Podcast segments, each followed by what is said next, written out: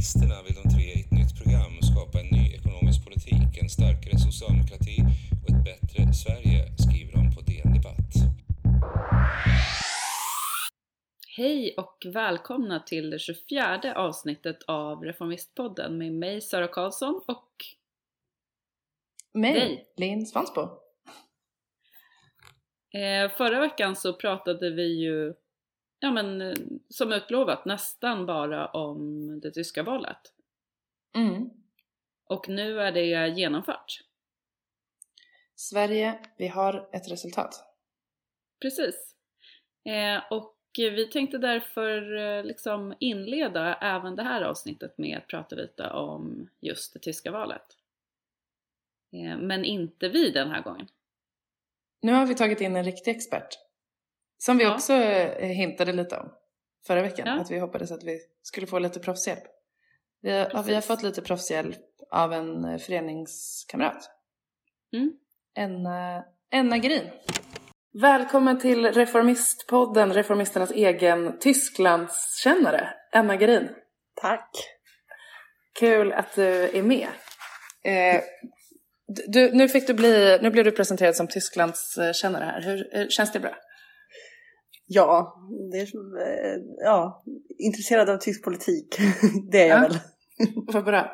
Och bättre på tyska än mig och Sara som erkände, blottade våra okunskaper i förra avsnittet. Men du, Enna, du har varit, eh, du har varit på plats i Tyskland eh, här i, i tre månader och haft bra koll på, på det tyska valet. Eh, Ja. Berätta. Nej men eh, jag är föräldraledig det här året så att eh, vi passade på eh, med lilla familjen och var i Berlin i, i alla fall augusti-september två månader. Så det passade ju precis med valkampanjen eh, och valet. Eh, så jag har följt det på nära håll, eh, gått runt och tagit in alla eh, kampanjaffischer och lyssnat på debatterna. Jag, jag, jag förstår ju tyska då jag bodde i Berlin. Eh, sex, sju år och studerade där. Mm, Mm. Så att eh, ja, det har varit väldigt spännande, en väldigt, väldigt spännande val, eh, val att följa. Ja, kul. Jag tänker att vi kommer återkomma lite till valrörelsen och vad du eh, tar med dig som svensk socialdemokrat från, eh, från den. Men eh, först bara berätta eh, för oss, hur, eh, hur gick det nu då?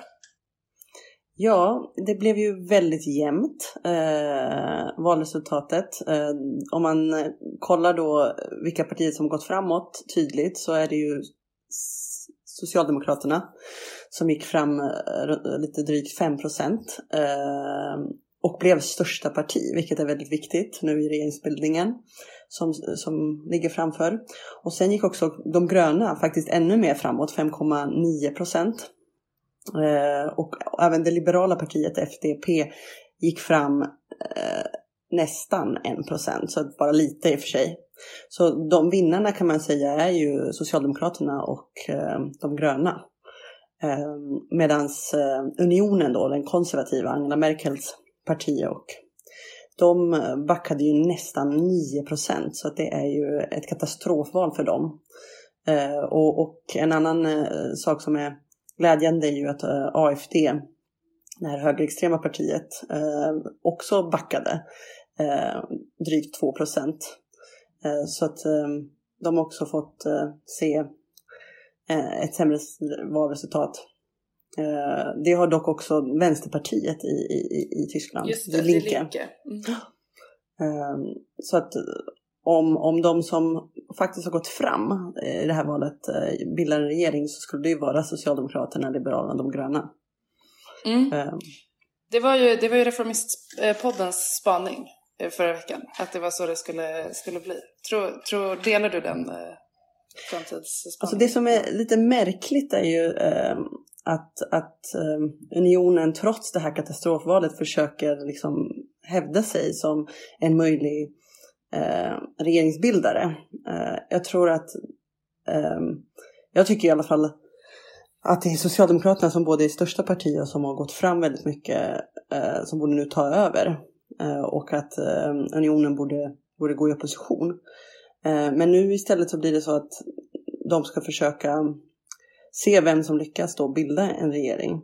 Jag tycker det är att Socialdemokraterna har på något sätt lite mer legitimitet att Mm, bilda just regeringen. det. Just, för att de är störst och för att de gick framåt eh, eh, och så. Eh, men Men samtidigt går det ju potentiellt sett för, för CDU, eller hur? Att liksom få majoritet. ja, om de skulle ju också kunna då samarbeta med Liberalerna och de gröna. Ja, precis. Ehm, så det går, så det går ju. Men frå- frågan är den folkliga legitimiteten, hur stark den är.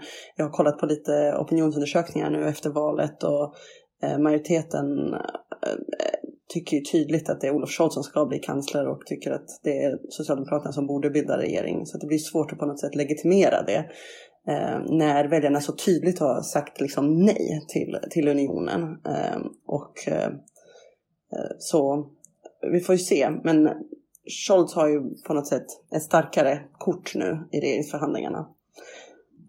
Dock är det ju negativt igen på ett sätt för Socialdemokraterna att de Linke blev så eh, små.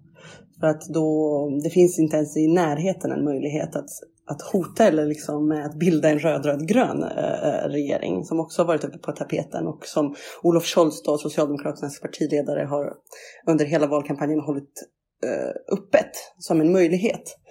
Och om, det, om den möjligheten hade funnits att eh, Vänsterpartiet, sossarna och de gröna kunde ha fått majoritet ihop, då hade ju man kunnat förhandla mycket hårdare med exempelvis Liberalerna. Eh, eh, men nu, nu har man ju inte det. Utan nu är det lite mer de gröna och Liberalerna som, som är kungamakare. Ja, precis. Jag skulle säga det. Det här måste ju ge dem jättemycket makt också. När det också finns det här hotet av att CDU skulle kunna... Eller? Att de, får, de, de lär ju få diktera villkoren kan man tänka sig. En hel del i, i regeringsförhandlingarna. Ja, det blir spännande att se. De har till och med hintat om att de eventuellt skulle börja med att träffa varandra innan de träffade Socialdemokraterna och Unionen och att de skulle prata ihop sig på något sätt. Ehm, De skulle ju, de tillsammans, Liberalerna och de gröna, de gröna har eh, nästan 15 procent och Liberalerna har 11, 11,5 liksom procent. De, de har tillsammans mer än den, den stora regeringspartnern i så fall. Så att eh, de kommer göra allt de kan för att försöka få ut så mycket som möjligt eh, i, i en framtida regering. Eh, får jag fråga, hur, om du vet det Anna, hur är de gröna i Tyskland liksom, ekonomiskt politiskt? Vart befinner de sig på någon liksom, vänster-högerskala ekonomiskt? Är de närmare Liberalerna? Alltså är de marknadsvurmande eller är de liksom... Ja, det är lite Ehm. intressant för att de gröna har egentligen precis som hos oss två falanger. Okej. Eh, eh, de här som är lite mer radikala och systemkritiska och sen de som är lite mer, eh, vad ska jag säga, mittenorienterade eller höger. Eh, Och de som leder partiet och har på något sätt fått grepp om partiet de senaste åren, det är ju mer den här moderata, eh, realistiska som de kallar sig, falangen. Eh, Men det betyder inte att de skulle vara liksom ekonomiskt höger. För att eh, om jag, jag har ju följt debatterna och så. Och de gröna, eh, deras liksom linje är väldigt lik reformisternas eh, när det kommer till just att man måste investera sig, ge ut, liksom, ut ur den här klimatkrisen. Och de, de tycker det är jätteviktigt att man ändrar den ekonomiska politiken som möjliggör en stor eh, omställning av samhället, en strukturomvandling av samhället. Eh, Så att de, de vill ha liksom... eh, Just det, de hade en mer, de hade, de hade drivit en mer expansiv eh, politik än, än Socialdemokraterna. Eller Så- hur? Ja. Precis, de har egentligen väldigt mycket likt reformisternas klimatpolitiska linje. Att, att staten nu måste ta ansvar eh, för att ställa om industrin, för att eh, hjälpa företagen och ekonomin eh, i klimatomställningen. Och de är väldigt tydliga med att de vill göra det här via massiva investeringar. Och därför har de öppnat upp för att man ska kunna då ta stora lån för de här investeringarna. Medan då Liberalerna deras nummer ett käpphäst är ju att man inte får öka statsskulden. Så att på det sättet ligger de väldigt långt ifrån varandra i den ekonomiska politiken, de gröna och eh, liberalerna. Medan Olof Scholz har tagit en lite mer en slags mittenposition där och försöker Mm. eh, vara var någonting, liksom någon slags kompromiss, inte lika radikal. Eh, men samtidigt eh, öppna upp lite mer för investeringar men ändå lå- låta som att man är eh, har liksom disciplin, finanspolitisk disciplin och, och, och så. Eh, så att, så att det, det, det, det, är det som är kanske det svåraste att se, hur det ska gå ihop. Eh, Liberalerna och grönas ekonomiska politik. Just det. Men de kanske inte andra saker att enas kring, kan man tänka sig, än just eh, det då? Ja. Eller vad, vad, vad tror du? Vad har vi framför oss? Eller vad har framförallt tyskarna, men även vi då som, eh, som följer hemifrån framför oss här nu kommande? Det känns som att det blir en lång, lång regeringsprocess.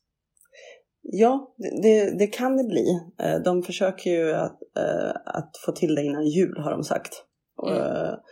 Sist tog det ju nästan sex månader så att det kan, det kan bli väldigt svårt.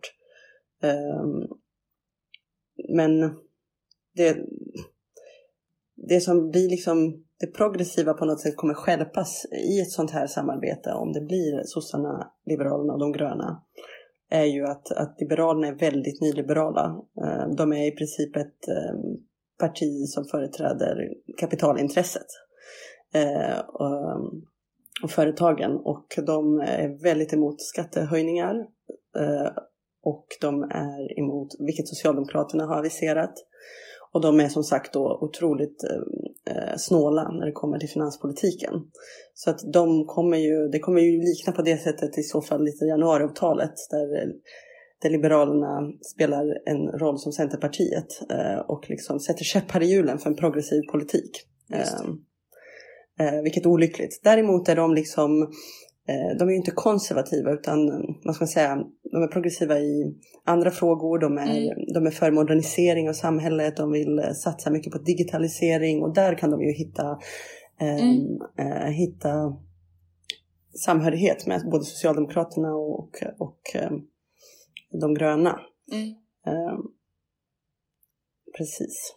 Men eh, eh, hur tror du, om vi får be Tysklandskännaren då, om en, om en gissning, hur tror du att det landar? Om det landar innan jul eller, eller efter, hur tror du att Tysklands regering kommer se ut? Nej, men jag, jag, jag, hoppas eh, och jag tror att det är störst chans att det blir Socialdemokraterna, de gröna och Liberalerna. Mm. Eh, nu när valet var klart i söndags, eller inte helt klart och inte helt räknat, men, men under söndagskvällen då, då var alla partiledare med i en slags eh, liten tv-runda och mm. diskuterade. Och det var väldigt intressant att se för att eh, man märkte hur de började liksom positionera sig, fjäska för varandra, hålla mm. alla dörrar öppna, eh, försöka tydliggöra vad som är liksom deras absoluta måsten eh, för varandra. Så det pågår, vissa har kallat det eh, en koalitionspoker nu mellan, mellan partierna. Eh, det jag tyckte var lite intressant var att de gröna i debatterna innan valdagen sa väldigt tydligt att de tycker att, att unionen ska gå i opposition om de blir mindre än SPD. Och att de, de lutar ju mycket närmare mot SPD och de försöker liksom eh, på något sätt få till en SPD-regering medan mm. Liberalerna då gör samma sak åt andra hållet. De är mycket närmare unionen och eh, försöker hålla upp den dörren för att få en bättre förhandlingsposition. Så att alltså, jag, jag tror att det kommer bli en socialdemokratisk regering med Liberalerna och de gröna. Det, det skulle vara en otrolig skräll om unionen efter att tappat 9% efter att ha regerat i liksom 16 år, mm. år lyckas skrapa ihop eh, en, en, eh, en regering nu faktiskt. Eh, det finns också krafter inom Liberalerna som, som tycker att det är dags för liksom eh, med ett avbrott, det är dags för förnyelse eh, och att det är svårt att uppnå med eh, unionen.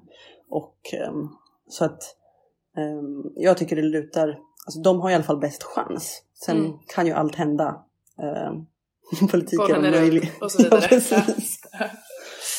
Ja, ja, men spännande. Men du, det här med valrörelsen då? Du har ju varit på plats, inte bara i söndags när valet liksom avgjordes, utan också följt eh, ja men kanske SPDs valrörelse framförallt kan jag tänka mig, men, ja. men hela, hela rörelsen. Vad, vad, vill du, vad tycker du känns värt att liksom berätta om den? Eller vad tar du med dig från, från den valrörelsen som SPD har gjort?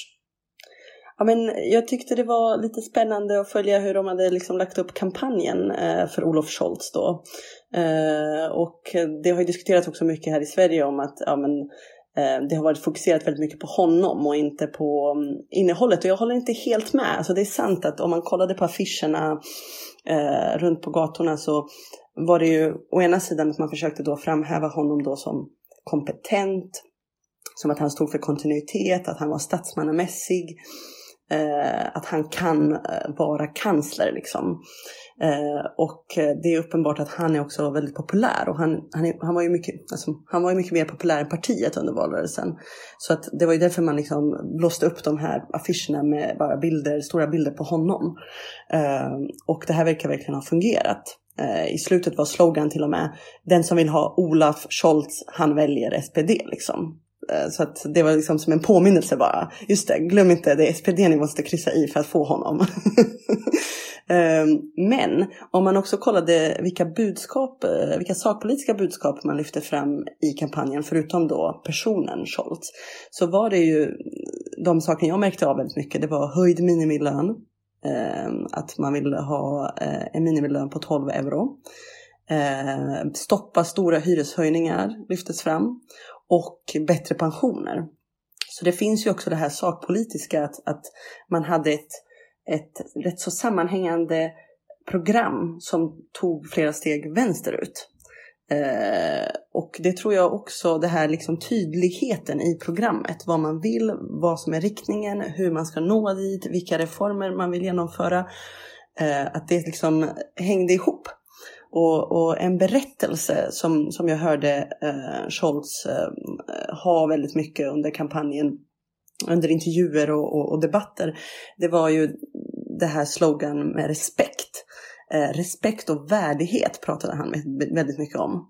Och eh, han menade liksom på ett sätt att brist på respekt och värdighet ledde till att till exempel Trump vann och Brexit kunde ske.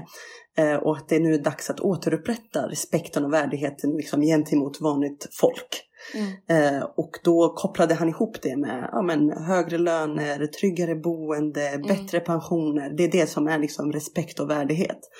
Och även eh, pratar han väldigt mycket om att då pandemin har visat att, att välfärdsarbetarna i den offentliga ja. sektorn, de förtjänar högre löner och bättre arbetsvillkor. Och att det hänger ihop med liksom respekt och värdighet. Och det, liksom det, det, det var på något sätt berättelsen i kampanjen som jag tycker var väldigt intressant och som mm. verkar, mm. eh, verkar verkligen ha fungerat med tanke på hur Socialdemokraterna lyckades på en väldigt kort tid liksom, mm.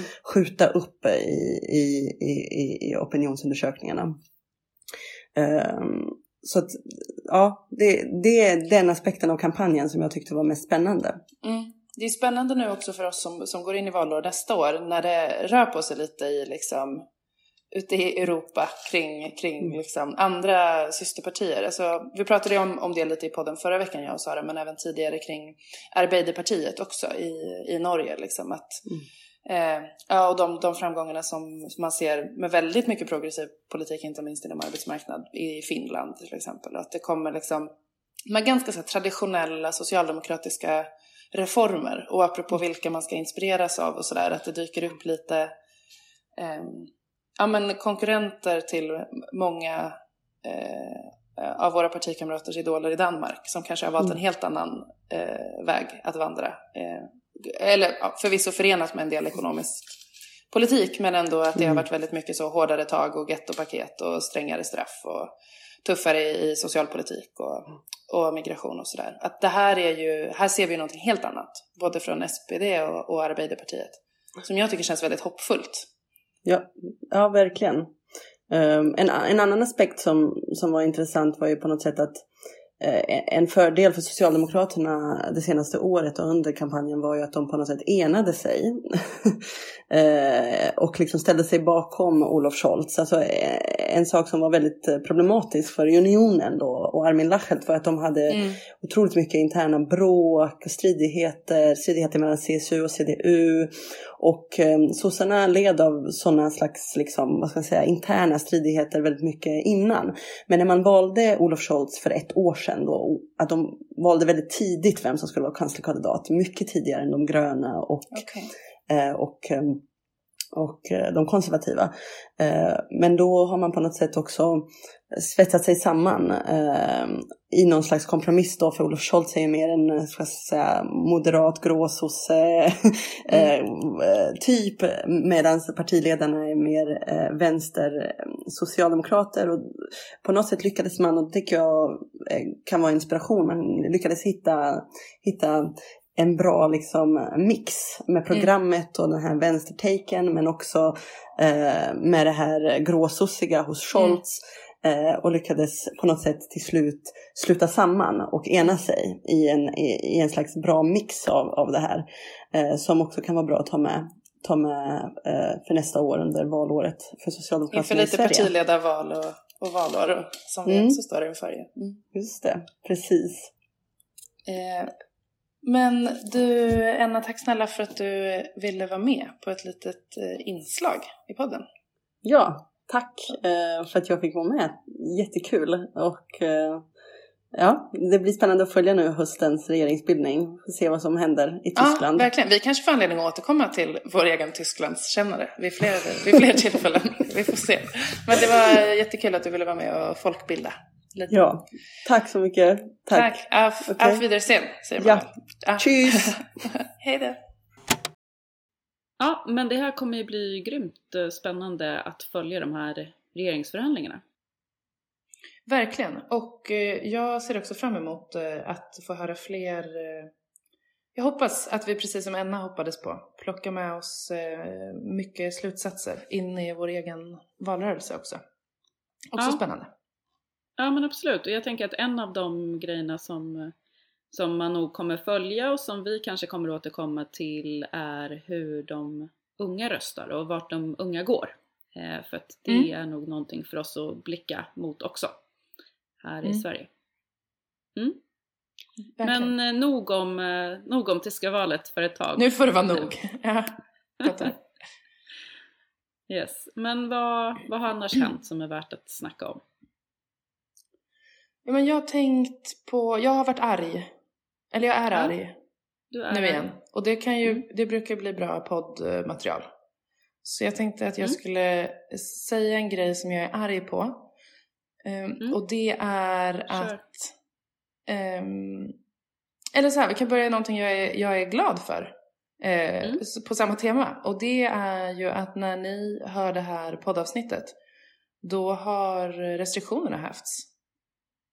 Just det, för att det här avsnittet släpps 30 eh, september och den 29, alltså imorgon när vi spelar in, så mm. hävs väldigt många av restriktionerna som har gällt. Ja, och det känns ju som att, eh, för egen del i alla fall, eh, som något som är värt att fira. Livet återvänder. Mm. Men vad är det du är arg på då? Ja men precis. Eh, bra, bra fråga. Nu kör vi övergången till det. Det inget Nej, men för att apropå, Nej, inte apropå det. Det är bara glada nyheter. Men apropå att vi nu börjar liksom återgå efter pandemin eh, så, har, så, så återinförs också karensavdraget på fredag. Och Just det är jag arg på. För att det här har ju, jag tycker det generellt att pandemin har ju varit liten, eh, det har ju varit lite lucka för regeringen att införa en hel del ganska bra socialdemokratiska reformer som man kanske mm. inte hade kunnat införa om vi inte hade hamnat i en pandemi. Mm. Um, alltså man har liksom uh, förbättrat uh, a-kassereglerna på olika sätt och då tagit bort karensavdraget, det som förut hette mm. karensdagen. Uh, för att förhindra att folk ska gå till jobbet sjuka. Liksom. Mm. Och då hade jag kanske hoppats på att vi skulle vara lite kaxigare mot Centerpartiet och andra som inte gillar, eh, eller som snarare gillar karensavdraget. Och eh, krävt att det skulle vara, vara fortsatt borta. Liksom. Men det gjorde det inte. Man, och jag tycker kan, man kan ju ändå tänka att det även eh, när det inte är pandemi är bra om folk stannar hemma när de är sjuka. Ja, och det är det jag menar, det är det här som gör mig tokig. Dels lite arg men också eh, förbryllad för att det man erkänner nu är ju eller snarare så här att man tog bort karensavdraget i och med pandemin var ju att erkänna att det bidrar till att folk inte går till jobbet sjuka. Mm. Alltså det hade ju varit en onödig coronaanpassning att göra om vi inte erkände det faktum att karensavdraget bidrar till att folk går till jobbet sjuka. Så nu har vi Mm. liksom på något vis erkänt det i och med att eh, ta bort karensavdraget mitt under en pandemi. Men varför vill vi att folk ska gå till jobbet sjuka nu då? Jag tycker det är Mm. dumt eh, och jag, eh, ja, verkligen eh, inte så mycket mer än så. Jag tycker det är dumt, onödigt, eh, dålig politik. Vi borde ha plockat russinen ur pandemikakan. Åtminstone, när vi nu ändå har genomlidit en pandemi. Här fanns det ju lite politik att hämta. Mm.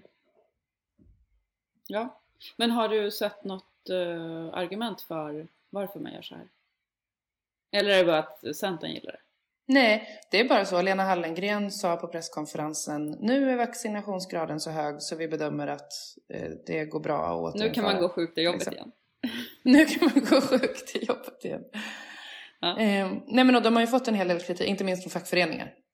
Och Mm. inte minst från, ja, men jag såg Tobias Baudin hade pratat väldigt klokt om det i tidningen Arbetet till exempel. För att de har ju också, eh, ja men så, ju otryggare anställningar liksom, desto större Mm. risk att man, alltså så här, om man har anställningar där- man ja, tjänar dåligt liksom. Mm. Eh, Eller jobbar deltid eller sådär. Så är det större risk såklart att man eh, inte har råd att vara sjuk. Mm.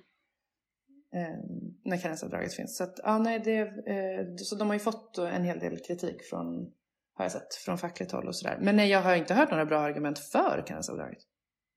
Nej, inte jag heller. Kan du? Kan du några?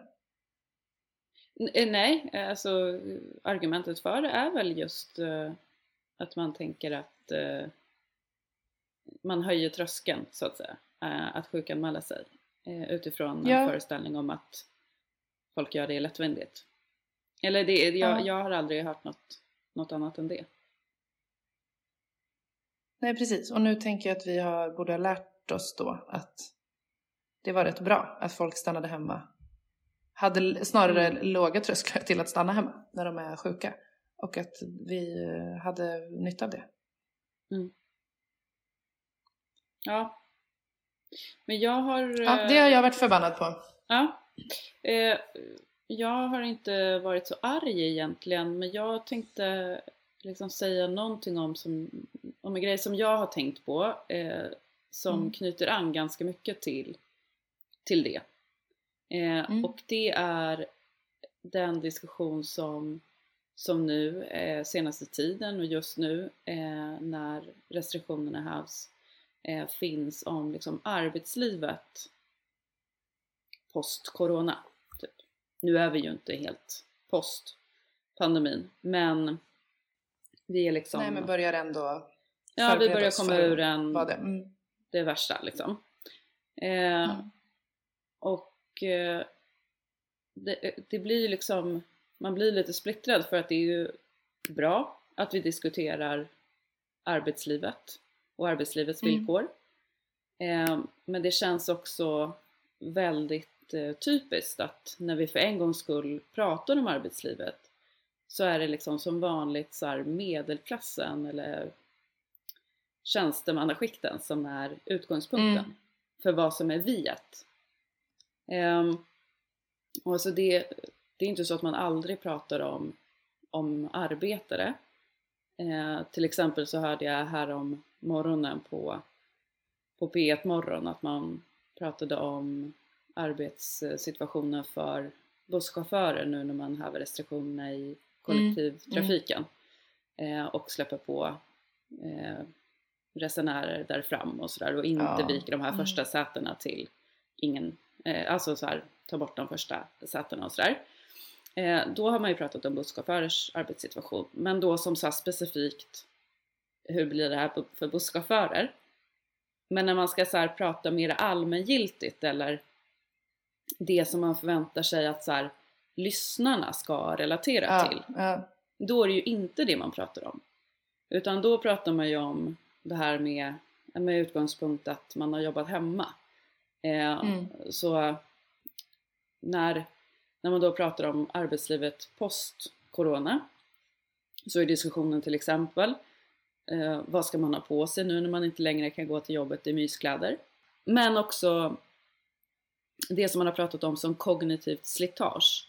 När man eh, har liksom möten som bara avlöser varandra utan paus emellan. Eftersom att det Mm. går när går. man, eh, när man bara har digitala möten. Det här är ju viktiga arbetslivsfrågor såklart. Mm. Framförallt det här med kognitivt slitage, det är ju en viktigare fråga Mm. än, än om man kan ha mysbyxor på jobbet. Ehm, så jag vänder mig liksom inte emot det. Jag tycker att det är bra att man, ja absolut. Men, men alltså, det är viktigt att man diskuterar det men Ja. det blir så himla tydligt vad som är det här viet. Att det liksom ja, verkligen. alltid utgår ifrån en, en så här tjänstemanna medelklass eh, tillvaro. Eh, För att Och så kan vi prata om busschaufförer ibland, men då är det liksom ett gästspel. Eller så. Och sen återgår Ja. man till ordinarie. Ja men precis. Och jag Vi, tänker att så här, ja. om, om man hade haft en annan utgångspunkt, om det hade varit så att så här, ehm, att det var fler med arbetarbakgrund som hade jobbat i media eh, och också om man hade liksom tänkt sig att lyssnare som ska relatera till de diskussioner som man har, till exempel i, i P1 Morgon, eh, är Mm. arbetare så hade man kanske mer diskuterat då hur återinförandet av karensavdraget påverkar eh, i Mm. liksom normal eh, läget då. Eh, och hur man i normalläget eller post-corona ska kunna skydda sig mot smitta. Om man kanske jobbar i omsorgen eller i handeln Ja, eller sådär och ja. inte kan jobba hemma. Eh, och jag tänker också på det som du och jag Linn pratade om i avsnitt 13. Mhm. När vi pratade om Attendo och eh, kommer du ihåg vårdbiträdet Stina ja, ja, ja, Kristoffersen? just det. Ja, ja men precis. Eh, då pratade vi också om eh, personalen i, i omsorgen och i vården som Mm. eh, liksom under framförallt den första delen av pandemin. Man, liksom, man hade inte så adekvat skyddsutrustning, eh, man hade inte kanske eh, tillräckliga rutiner eh, och man var med under den här tiden då när, när väldigt många äldre dog på väldigt kort tid. Eh, och Mm. det var liksom en arbetssituation som var, måste ha varit fruktansvärd.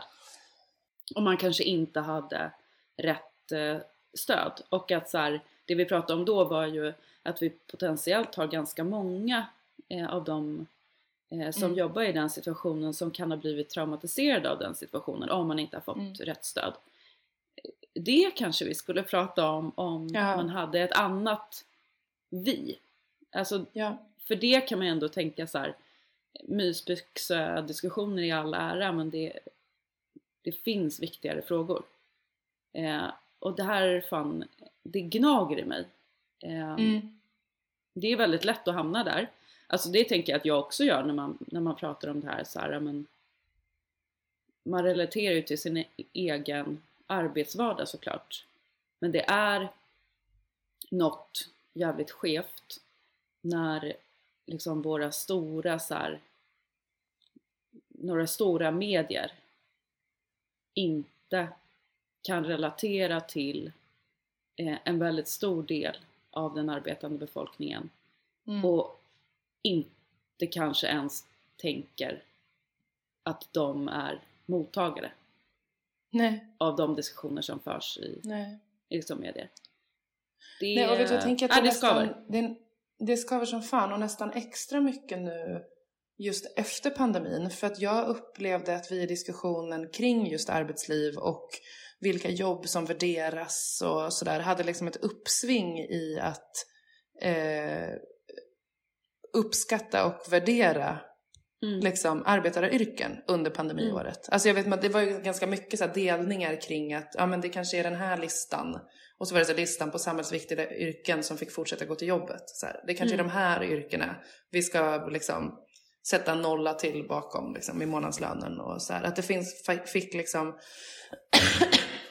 men det, är så här, det, gjorde det, så, det tydliggjorde för oss som samhälle vilka yrkesgrupper det faktiskt är som, som liksom bär samhället och inte bara då i kanske det yttersta uttrycket mitt under en pandemi som är vårdbiträdena och undersköterskorna och Mm. läkarna och sådär utan också ja, men busschaufförerna, taxichaufförerna, vilka var det som fick mest smitta först liksom, som inte kunde gå hem. Det är de som jobbar på Konsum och apoteken och Mm. ja men så, ja men arbetaryrken liksom. Så det känns ju typ ännu deppigare att vi, Mm. det kändes som att vi lärde oss det en kvart förra året. Som ko- kollektivt liksom. Eh, och uppenbarligen redan har glömt det då. Nu får inte ens ur folk applåder pandemin. längre. Ingen applåderar sjuksköterskorna. Än mindre Ja, det, var ju, det var ju en dålig idé från början. Eh, men Ja, gud ja. eh, men eh, man uppmärksammar inte ens längre folks arbete. Nej, nej men precis. Och nu när vi pratar återgång då så Mm. är det som att vi har, har glömt det redan. Ja, det, Mm. det, ja, det skaver jättemycket. Jag håller med. Eh, men du, på samma tema att eh, restriktionerna hävs så har eh, ni haft eh, ett, såg jag i dina Insta-stories, ett eh, fysiskt eh, möte med delegationen som ska åka på partikongress i början av november. Hur var det? första. Jo men det var, eh, det var skitkul att träffa alla. Eh, det är ju väldigt mycket roligare att vara engagerad i en folkrörelse när man får vara i samma rum som sina partikamrater. Det måste jag Mm. ändå, det måste jag ändå säga. Eh, det var jättekul att träffa alla. Eh, det är lite så här, det är lite rörigt och stressigt typ för att det är en stor grej för många. Vi är en stor delegation. Vi ska försöka få ihop eh, en jävla massa datum i en jävla massa Mm. kalendrar. Som är typ, ja, lycka till och lycka till oss och försöka få ihop det med alla. Men det kommer bli hur bra som helst. Det var jättekul att träffa alla. Men vi har ägnat kvällen åt liksom, eh, men planering av arbetet och eh, diskuterat så vilka som ska ingå i vilka grupper. Och, och nu ska vi börja, nu börjar jobbet liksom. Eh, ordentligt eh, för oss. Så det känns, känns jättekul. Och jag, jag ska få jobba med välfärdsfrågor. Vad roligt! Eh, ja, det är jag jätte, jätte, jätte Och jävligt viktigt liksom. Mm. Ja. Eh, det känns jätte, jättekul och jätteviktigt. Och Stockholm åker ju med en jävla massa bra politik på det Mm. området. Eh, både en hel del av reformisternas förslag men också en hel del andra eh, ja, men jätte, jätteviktiga förslag där vi är många, även allierade ska man säga, med andra delar av, av landet. Liksom, kring. Jag såg till exempel häromdagen att eh, Talla Al-Kurdi som är oppositionsregionråd i Stockholm Mm. och del av delegationen och samma grupp som mig då såklart eftersom hon jobbar mycket med välfärd. Att hon och Skåne eh, och Västra Götaland tror jag det var va? Hade varit ute och Ja. vevat om att vi eh, kräver eh, avgiftsfri tandvård Mm. till kongressen. Eh, Mm. Och sådär. Så att det är ju vi, vi, ja, det är många progressiva krafter inom partiet som, som hjälps åt och det känns, eh, känns kul. Mm. Men det gör också att jag har tänkt väldigt mycket på välfärdspolitik på senaste.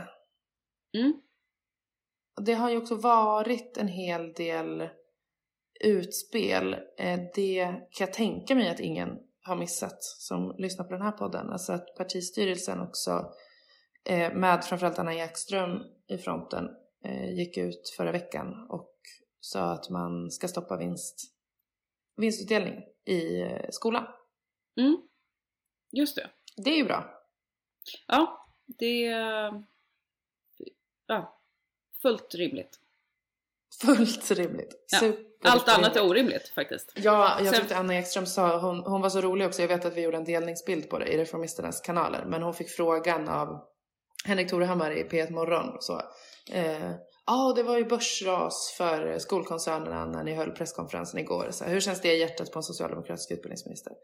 Och då sa hon bara någonting i stil med att så, det, det, det säger en del om hur sjukt det är att det är ekonominyheterna som rapporterar om våra utbildningspolitiska Just det. Mm. Mycket, mycket bra sammanfattat kan man säga. Ja, verkligen. Sen är ju det en eh, politisk eh, liksom, viljeinriktning och eh, har man varit med förr så vet man ju att djävulen sitter i detaljerna. Så att det ska bli intressant att se också vad som, vad som kommer mer. Men eh, det är ju ja, verkligen en, en politisk viljeyttring som extremt många ställer sig bakom. Mm. Mm. Mm. Exakt, för det var lite egentligen det jag skulle komma till. Nu känner jag att jag har ehm, hyllat färdigt eh, partistyrelsen kring, kring de förslagen faktiskt. För att det är ju precis som du säger, det är en bra politisk viljeinriktning. En superrimlig politisk viljeinriktning för ett socialdemokratiskt parti, tänker jag.